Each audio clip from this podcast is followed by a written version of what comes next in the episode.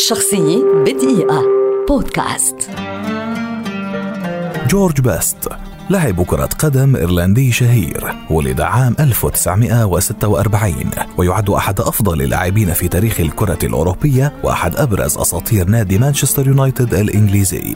بدأ بيست مسيرته الكروية مع فريق مانشستر يونايتد عندما كان في السابع عشر من عمره عام 1963 وبعد سنتين فقط ساهم في فوز النادي ببطولة الدوري الإنجليزي للمرة الأولى خلال ثمان سنوات. عقبها فوز آخر في عام 1900 1967 وفي عام 1968 ساعد بيست مانشستر يونايتد على أن يصبح أول نادي إنجليزي يفوز ببطولة دوري أبطال أوروبا. خاض بيست 474 مباراة مع ناديه. سجل خلالها 180 هدفا وشارك مع منتخب بلاده إيرلندا الشمالية في 37 مباراة. حصل على لقب أفضل لاعب في إنجلترا عام 1976 ولقب أفضل لاعب في أوروبا عام 1972 إلى جانب أنه كان هداف ناديه.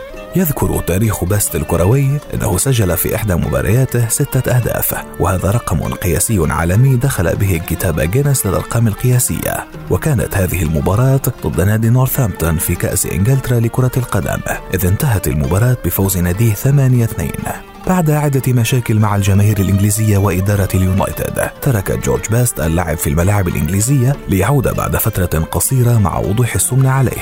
لكن المشاكل استمرت مع رئيس النادي ليترك باست اليونايتد بعد ذلك بشكل نهائي ويوقع عقدا لنادي لوس أنجلوس أزتكس الأمريكي. وآخر فريق انضم له باست كان بورنماوث في أعوام 1983 و 1984 وبعدها أعلن اعتزاله اللعب في الخامس والعشرين من نوفمبر عام 2005 وعن عمر يناهز التاسع والخمسين رحل الأسطورة جورج باست الذي لا يزال يعتبر حتى اليوم أيقونة مانشستر يونايتد.